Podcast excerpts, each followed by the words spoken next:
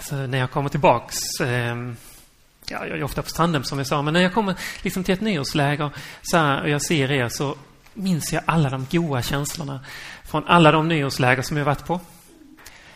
Jag eh, liksom kommer ihåg det där att eh, många år har jag varit på nyårsläger och sen så några år så skulle man vara lite, lite extra så skulle man då ordna egen fest med eh, 10-15 personer vid sidan om som inte skulle på läger och så tänkte man nu ska det bli riktigt bra nyår. Och så blev det aldrig det. Det bästa var ju att vara på nyårsläger. Det kan man vara till man är åtminstone 25-30 år.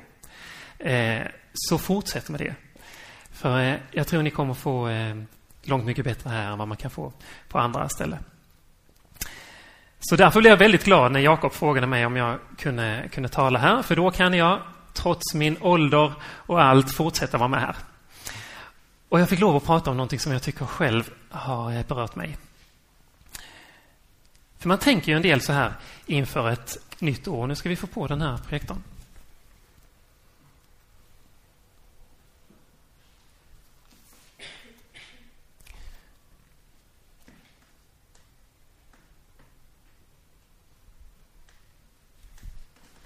Trycker igen. Där. Alltså man tänker ju ändå en del så här när man eh, börjar ett eh, ett nytt år. Att vad ska det liksom bära hän denna gången?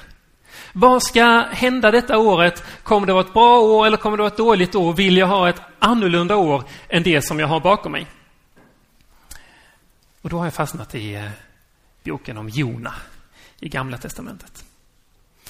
För en del av oss skulle önska att man hade en eh, kristallkula så här som man skulle kunna titta in i och där se precis allt som skulle kunna hända. Eh, personligen skulle jag inte vilja ha det. Jag skulle tycka det var ganska jobbigt att se att precis detta kommer hända och jag kommer inte kunna påverka det. Ni förstår hur jag menar. Att veta precis exakt vad som händer utan att kunna påverka det är inte speciellt spännande. Det andra alternativet det är att få lov att veta någonting om framtiden på samma sätt som titta i en kristallkula. Men säga att nej, om det kommer hända så vill inte jag vara med. Om det innebär att jag ska behöva gå på de här vägarna, nej, då väljer jag att gå någon annan väg. Men problemet är att har det stått i kristallkulan att detta kommer hända så kan jag ju inte välja eller inte. Utan då är det bara att följa med. Men okej, vi har ingen kristallkula. Istället har vi som är kristna någonting mycket bättre. Vi har Guds ord med löfte om framtiden. Och där kan man på samma sätt förhålla sig så här eh, lite, lite skeptiskt, lite avvaktande. Man skulle kunna eh, säga att eh, okej, okay, så säger Bibeln. Men så säger inte jag. Så säger Gud, men så tycker inte jag. Det är det mitt föredrag kommer handla om. När vi tänker på 2012. Hur vill vi att vårt 2012 ska vara? Vill vi att det ska bli som Gud vill eller vill vi att det ska bli som vi själva vill? Det kom fram en massa människor till Jesus och frågade honom Har du bevis för att allt är sant som du håller på att prata på? I så fall så skulle vi vilja se att du gör några under. Vi skulle vilja se några fantastiska tecken så att vi kan veta att det är säkert när vi tror på dig. Och så svarade han dem så här.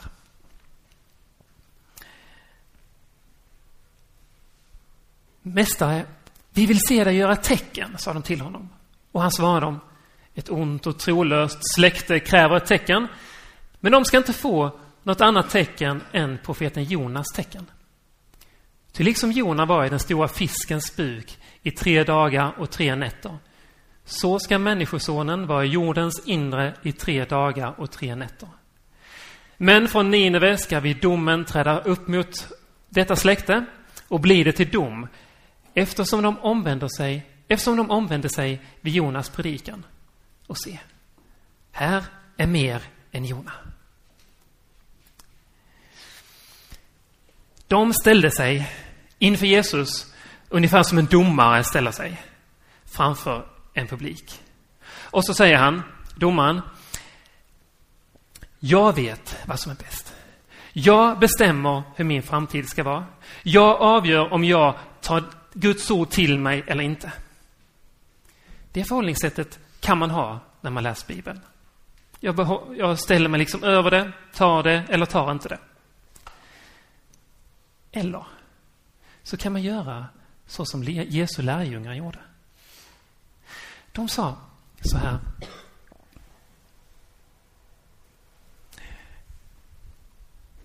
Jesus, du har någonting som jag ännu inte har fattat. Du har någonting som jag behöver. Du har saker som jag ännu inte har kontroll på. Jag ber Jesus att du ger mig det 2012. Antingen så är vi som de här som säger jag skulle vilja ha stora tecken om jag någonsin möjligen skulle kunna tänka mig att följa dina vägar. Eller så är jag en lärjunge som säger du har någonting att ge mig. Överraska mig, Gud. När man kommer till profeten Jona så var han en sån här översittare som sa att jag bestämmer om jag ska följa Gud eller inte. Jag vet nog bättre än honom. Och så började Gud greja med hans liv och fixa med det. Och så småningom så insåg Jona att det finns en Gud. Han är allsmäktig, han styr över denna världen och hans vilja gör det bästa. Hans vilja är det säkraste att följa och jag har inte något annat alternativ för där mår jag allra bäst.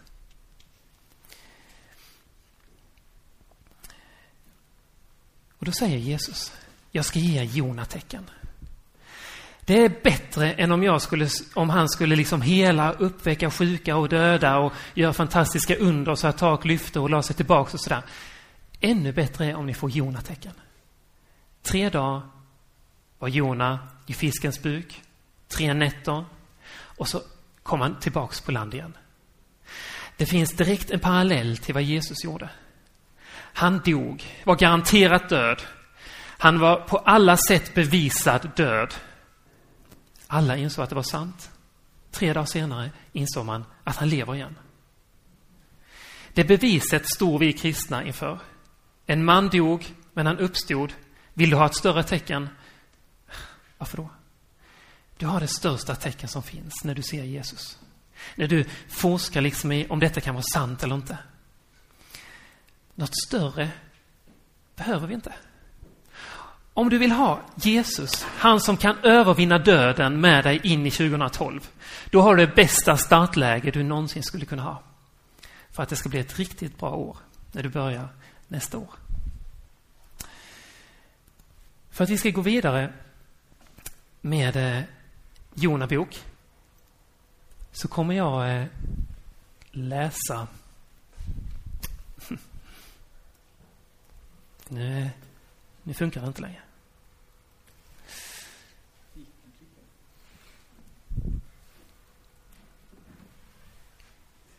Eh, det var nog för jag tryckte här. Nu kan ni tänka på det jag sa en stund. ja, har ni tid till?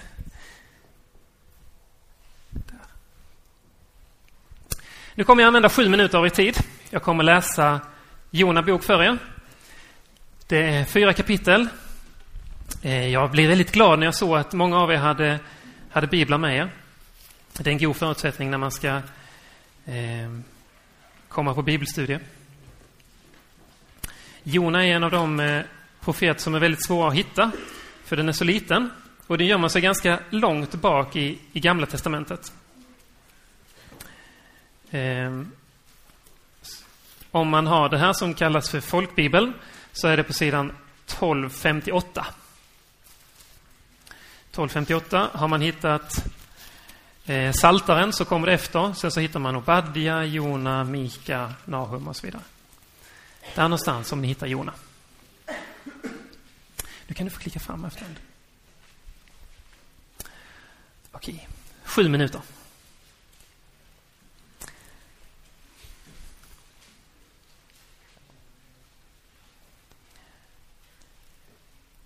Herrens ord kom till Jona, Amittais son. Han sa Stig upp och bege dig till Nineve, den stora staden, och predika mot den. Till deras ondska har kommit upp inför mitt ansikte. Men Jonas steg upp och flydde till Tarsis, bort från Herrens ansikte. Och han for ner till Jaffo och fann där ett skepp som skulle gå till Tarsis. Han betalade för resan och steg ombord för att fara med den till Tarsis, bort från Herrens ansikte. Men, men Herren sände en stark vind över havet och en våldsam storm uppstod och skeppet var nära att krossas. Sjömännen blev förskräckta och ropade var och en till sin Gud och de vräkte lasten över bord för att lätta skeppet. Men Jona, han hade gått ner i det inre av skeppet och låg där i djup sömn. Då gick skeppets kapten ner till honom och sa Hur kan du sova nu? Stig upp och ropa till din Gud. Kanske ska den guden tänka på oss så att vi inte förgås. De sa till varandra Låt oss kasta lott så vi får se vem det är som har dragit denna olycka över oss. Och när de kastade lotten föll lotten på Jona. Då sa de till honom Säg oss, för vem skull denna olycka har kommit över oss? Vad är ditt ärende och varifrån kommer du? Från vilket land är du och vilket folk tillhör du? Han svarade dem, jag är hebreer och jag fruktar Herren, himmelens Gud, som gjort havet och det torra. Och då greps männen av förskräckelse. Och de sa till honom, vad har du gjort? Av det han berättade för männen fick de veta att han flydde bort från Herrens ansikte. Havet stormade mer och mer och de sa till honom, vad ska vi göra med dig så att havet blir lugnt? Då svarade de, ta och kasta mig i havet, så ska havet bli lugnt. Jag vet att det är för min skull som denna starka storm har kommit över oss. Männen rodde för att komma tillbaka till land, men de kunde inte, ty stormen rasade allt värre. Då ropade de till Herren och sa, Herre, låt oss inte gå under för denna mans skull. Och låt inte oskyldigt blod komma över oss, för du, Herre, har handlat efter din vilja. Sen tog de Jona och kastade honom i havet. De, då la sig havets raseri. Och männen greps av stor fruktan för Herren och de offrade slaktoffer åt Herren och avlade löfte. Men Herren sände en stor fisk som slukade Jona. Och han var i fiskens buk i tre dagar och tre nätter. Och Jona bad till Herren, sin Gud, i fiskens buk. Och han sa jag ropade till Herren i min nöd och han svarade mig. Från dödsrikets buk ropade jag på hjälp och du hörde min röst. Du kastade mig i djupet mitt i havet och strömmar omslöt mig. Alla dina brottssjöar och dina vågor svepte över mig. Jag tänkte, jag har drivit sport från dina ögon. Men jag ska åter få skåda ditt heliga tempel. Vatten omslöt mig ända upp till halsen. Djupet omgav mig, sjögräs snärjde in mitt huvud. Till bergens grund sjönk ner. Jordens bommar slöts för evigt bakom mig. Men du, Gud, förde mig upp ur graven, Herre min Gud. Medan min själ tynade bort i mig tänkte jag på Herren och i min bön kom jag till ditt heliga tempel. De som håller sig till fåfängliga gudar överger den nåd de fått. Med tacksägelse vill jag offra åt dig. Vad jag har lovat vill jag infria. Frälsningen är hos Herren. Och Herren talade till fisken och kastade upp Jona på torra land. Herrens ord kom för andra gången till Jona. Han sa, stig upp och bege dig till Nineve, den stora staden, och predika för den det budskap som jag ger dig. Då steg Jona upp och begav sig till Nineve enligt Herrens ord. Men Nineve var en stor stad inför Herrens ögon. Tre dagsresor lång.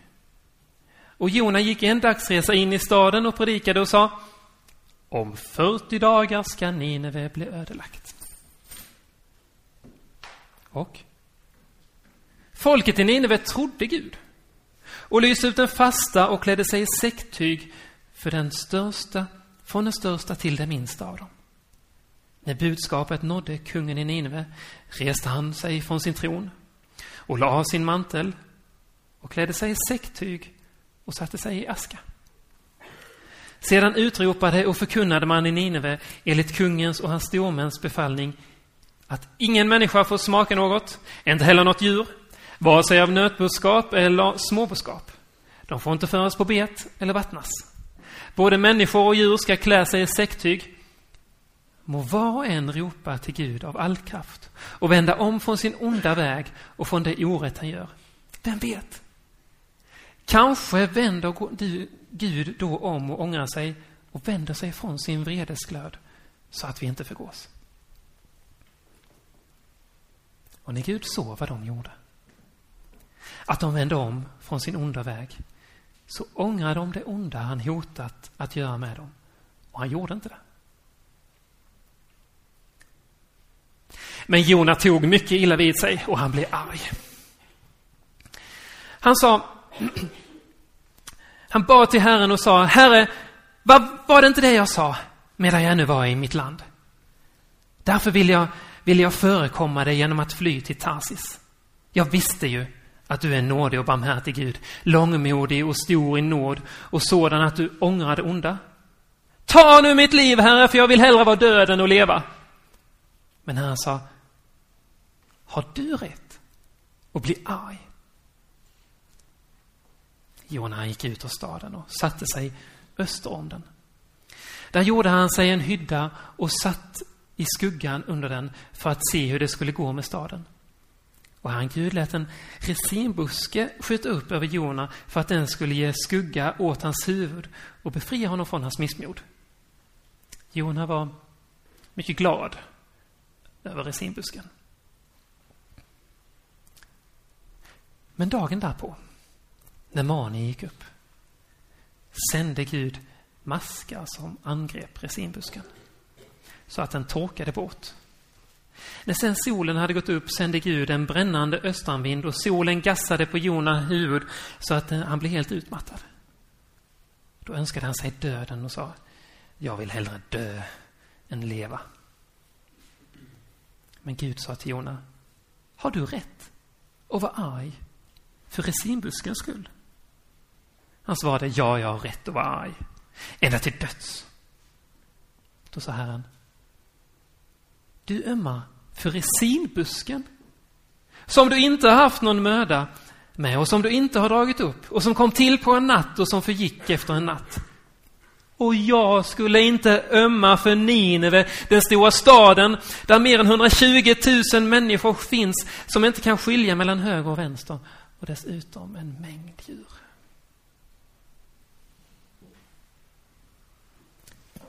Det var berättelsen om Jona.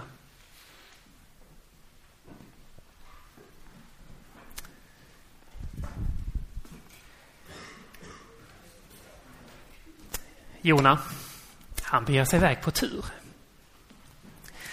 Han är nämligen en av de här profeterna som får så konstiga uppdrag. Man vet inte så mycket säkert vem Jona var. Han, hette, han hade en far som hette Amitai och någonstans i andra kungaboken så läser man om en person som hette Jona, Amitais son. Och eh, man förstår att, att han eh, eh kanske troligen var samma person. Han fick uppdraget att säga till sitt folk att den här ogudaktiga kungen som leder vårt land, han som hatar Gud, han kommer ha stor framgång. Han kommer föra krig och han kommer ha stora vinster. Oh. Behöver vara profet och säga att det går de onda väl och att de som är troende på Gud kommer att ha ännu svårare tider. Det är inte speciellt spännande. Och nu så får han uppdraget att på nytt resa vidare till en stad som heter Nineve, som är huvudstad i, landet Assyrien.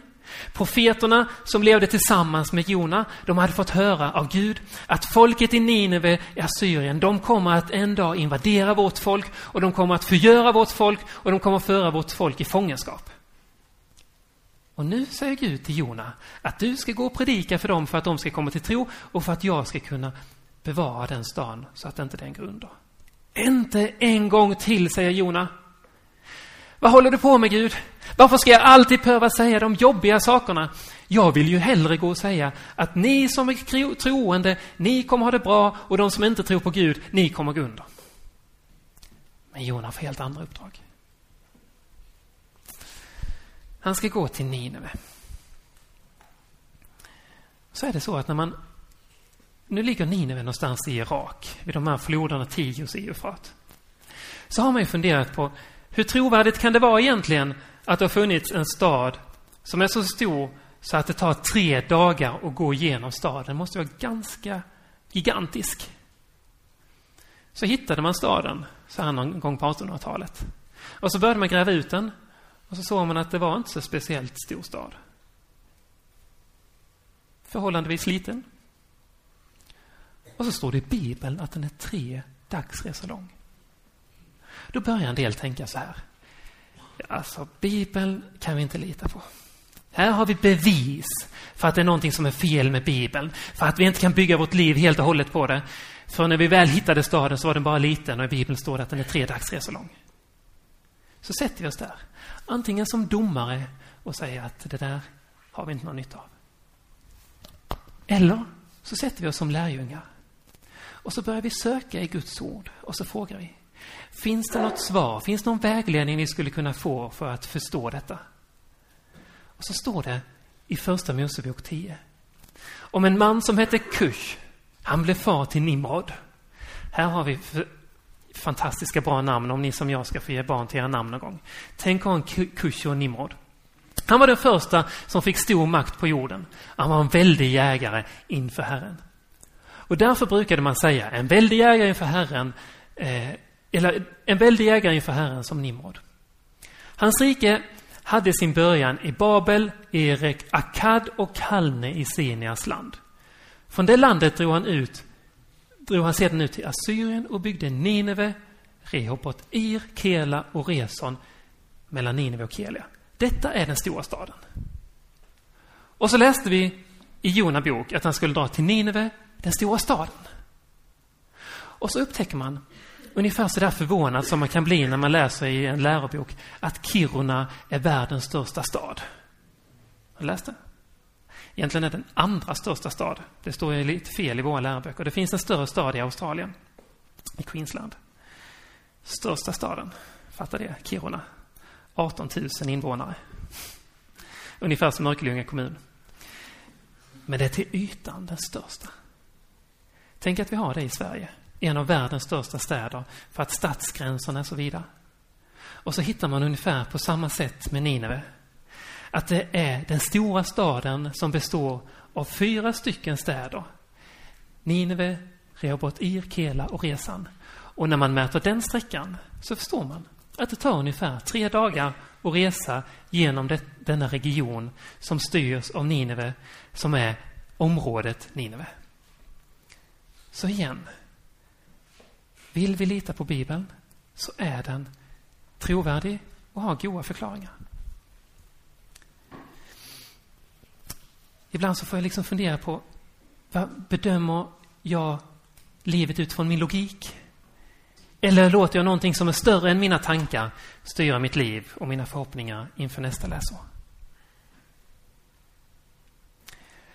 Jona, han fick uppdraget att gå dit för Gud ville stoppa synden.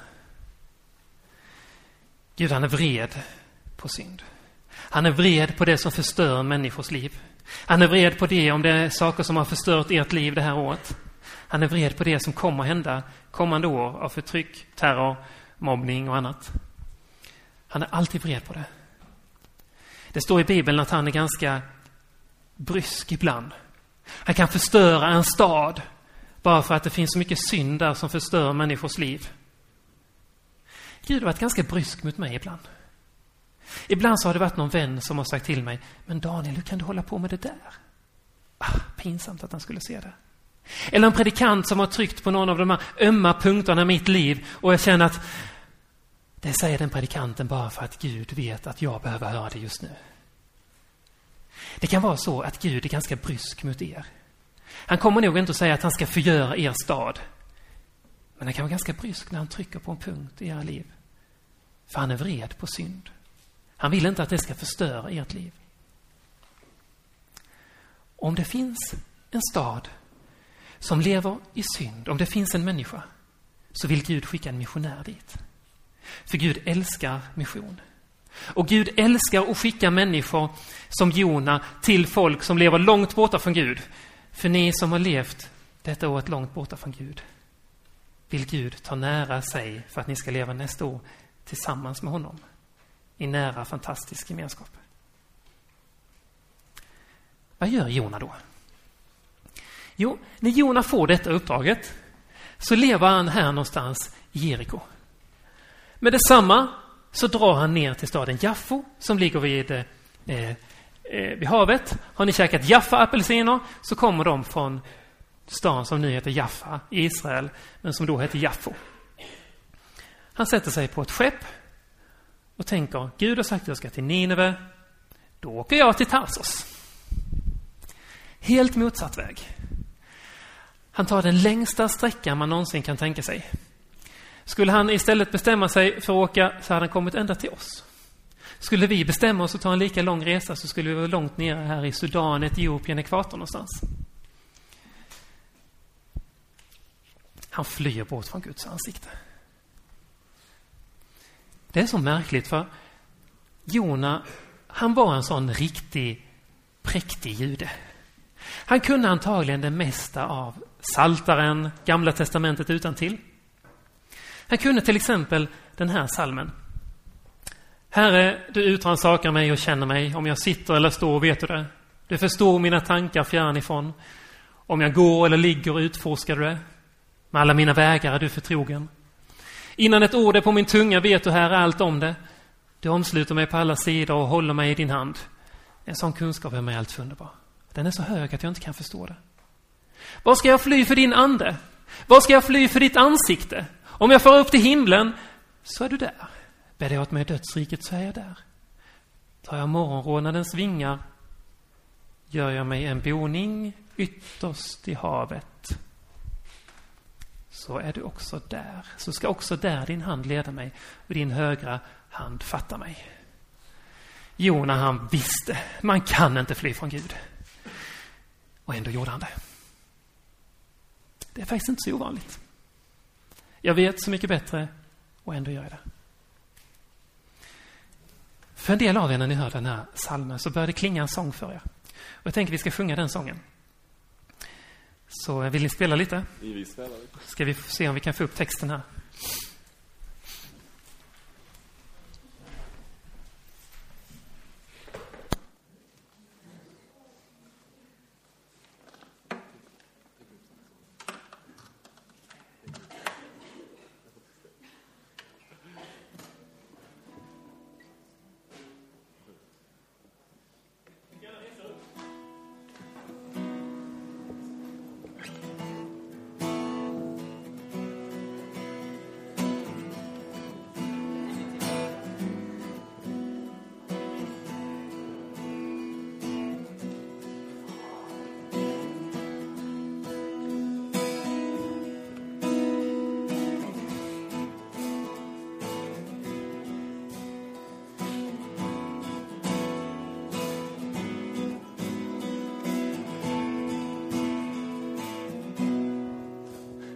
Ingenting.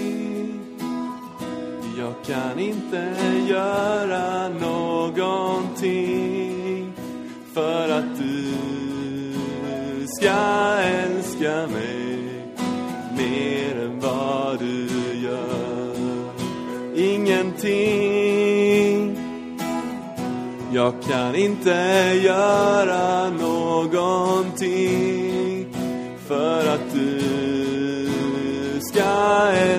mig mindre än du gör. Vart ska jag fly? Vart ska jag fly och för din ande? Vart ska jag fly för ditt ansikte? Bäddar jag åt mig i dörren när du där?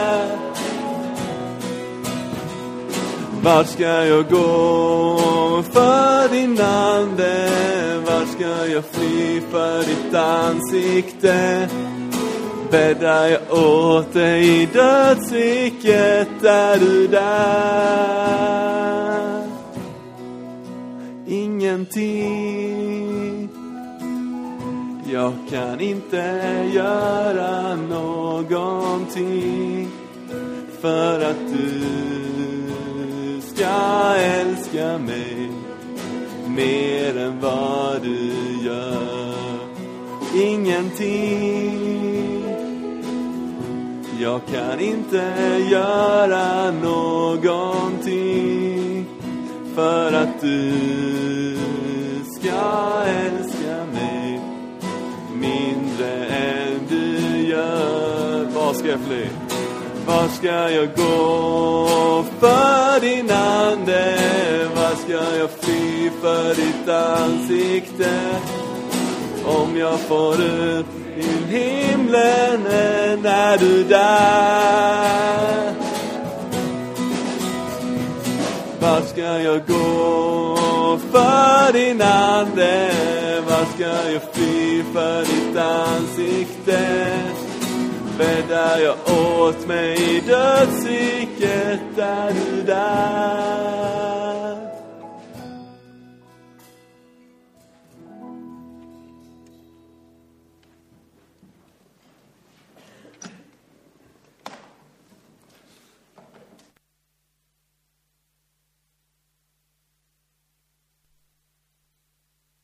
Han eh, vet att i staden Nineve, en mäktig stad, de kanske kommer döda mig. De kommer antagligen inte lyssna på mig. Och det folket skulle jag helst vilja att de själva utrotades, för annars kommer de att utrota mitt folk. Och sen en annan sak. Och jag skulle bara önska att jag blev fri från den här guden. Jag skulle bara önska att jag blev fri ifrån allt det som kan kännas så trångt när han kommer in i mitt liv. Så man ska bete sig så här, man ska följa hans vilja, man ska göra detta. Det känns så trångt. Jag skulle vilja bli fri från Gud. Och så försöker han. Med allt det som världen säger till oss, att detta är frihet. Du kan bli fri från Gud. Ja, det är sant, du kan bli fri från Gud. Men vad det innebär att bli fri från Gud, det innebär alltid att man blir slav under någonting annat. Det innebär alltid att man blir slav under synden. Man väljer leva under Gud eller under synd. Något neutralt läge däremellan existerar inte. Skulle vi ta fisken här ute i akvariet så skulle vi kanske säga så trångt den har det i sitt akvarium, vi måste släppa den fri och så låter vi den hoppa ut. Då skulle den inte vara, den skulle vara fri från akvariet, men den skulle snart dö. Så har det fått vara i mitt liv. När jag tänkte jag skulle vilja vara fri från allt det där som kan kännas så trångt med Gud så upplever jag att varje resa utanför, allt det som folk säger att detta är frihet, detta är att liksom leva livet, detta är att testa på nya saker, detta är att ha vind under vingarna. Allt det är en plats som Gud inte har skapat för mig. Och med tiden så blir det bara en tomhet. Och jag blir bunden under synden istället. När vi, när vi känner oss sjuka när en infektion sitter i kroppen på oss så kan vi känna oss som, som fångar i vår kropp. Det är Jesus han kommer.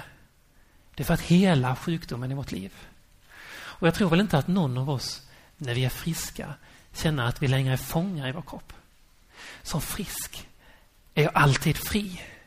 Som frisk så kan jag använda min kropp till allt vad jag vill så länge den eh, har alla sina funktioner kvar. När jag går och har den här längtan efter att slippa Gud, då är det någonting fel i min bild av vem Gud är. Då har jag totalt blivit lurad av vem Gud egentligen är. För Gud, han är alltid det bästa. Sann frihet, det som är perfekt för mitt liv, det finns bara i förhållandet tillsammans med Jesus. För han vet hur du är och han vet vad du behöver. Och han vill ge dig det. Och när Jona han eh, helt och kommit på avvägar. Då händer någonting. Så står det, men Gud sände. Det är ganska fantastiskt när det står i Bibeln så här, men Gud sände. Han kunde ju låtit honom dra iväg till Tarsis och så kunde han varit borta från Guds ansikte för evigt och han kunde hamnat i helvetet och allting. Så står det, men Gud sände en stor vind. Gud sände en stor vind och i den vinden fanns det att Gud övergav inte Jona, men Jona övergav Gud. Det kan du veta. När du överger Gud så överger Gud inte dig. Det står faktiskt i Andra Timoteus, är vi trolösa så är han trofast. För han kan inte förneka sig själv. Det är utgångspunkten när du tänker på ditt år. Har du varit trolös så fortsätter Gud att vara trofast mot dig. För han älskar och ser dig närma sig. Och det Gud sänder i den vinden som drog fram över havet, det var följderna av all den olydnad som hade funnits. Han sa, Jona, nu får du det som du har sökt. Nu får du det som du har sökt efter när du flydde ifrån mig. Och vad var resultatet? Jo, alla på skeppet där, de drabbades av en förfärlig dödsångest.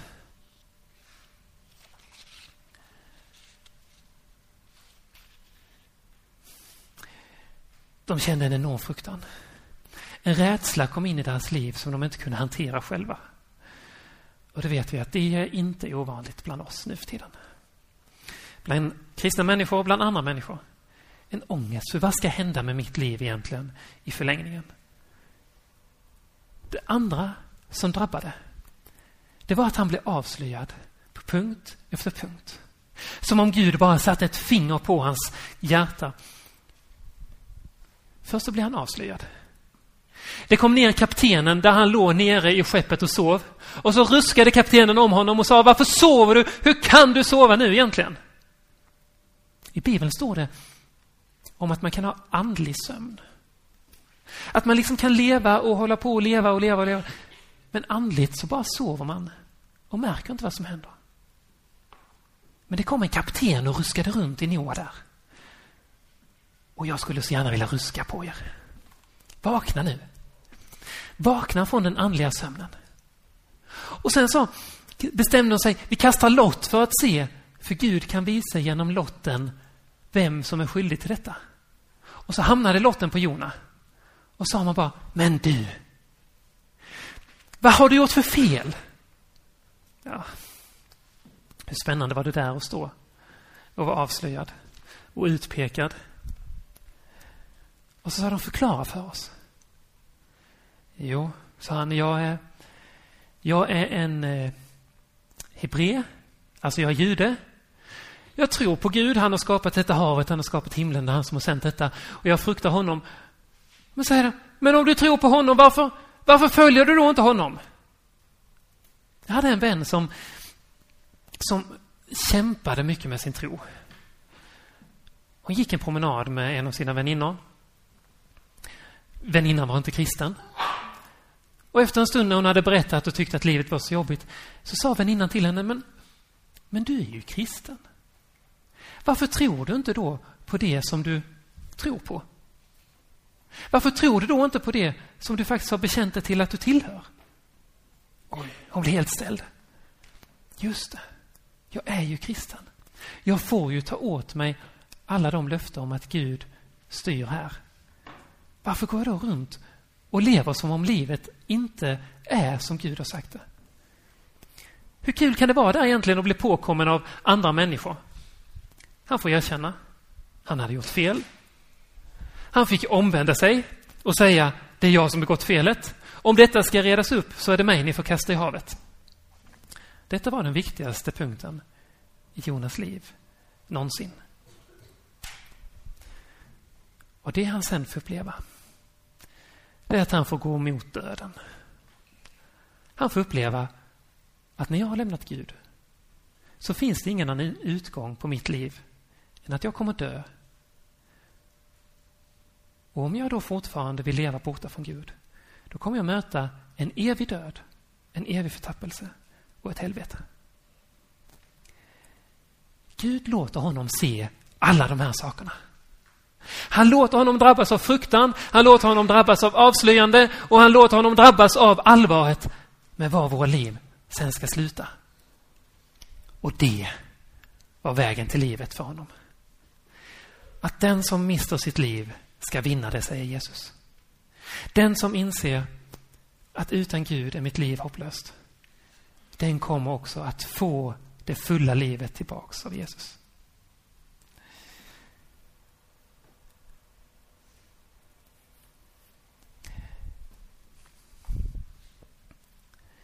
En gång så eh, stod Jesus tillsammans med sina lärjungar i trädgården Getsemane. Han säger, var med mig och be nu, för detta är en viktig stund. Min prövningsstund är alldeles nära. De somnar allihop. De orkar inte. Kommer soldaterna till, till trädgården, arresterar honom och lärjungarna blir livrädda. Så säger Jesus, låt dem här gå. Ta mig istället. Detta är vad Jona gjorde. Han säger, ta mig, kasta mig i havet, så kommer de andra i skeppet att få leva. Han är ett exempel på vad Jesus gör för oss. Han säger, ta mitt liv, så kan alla vi andra få leva istället.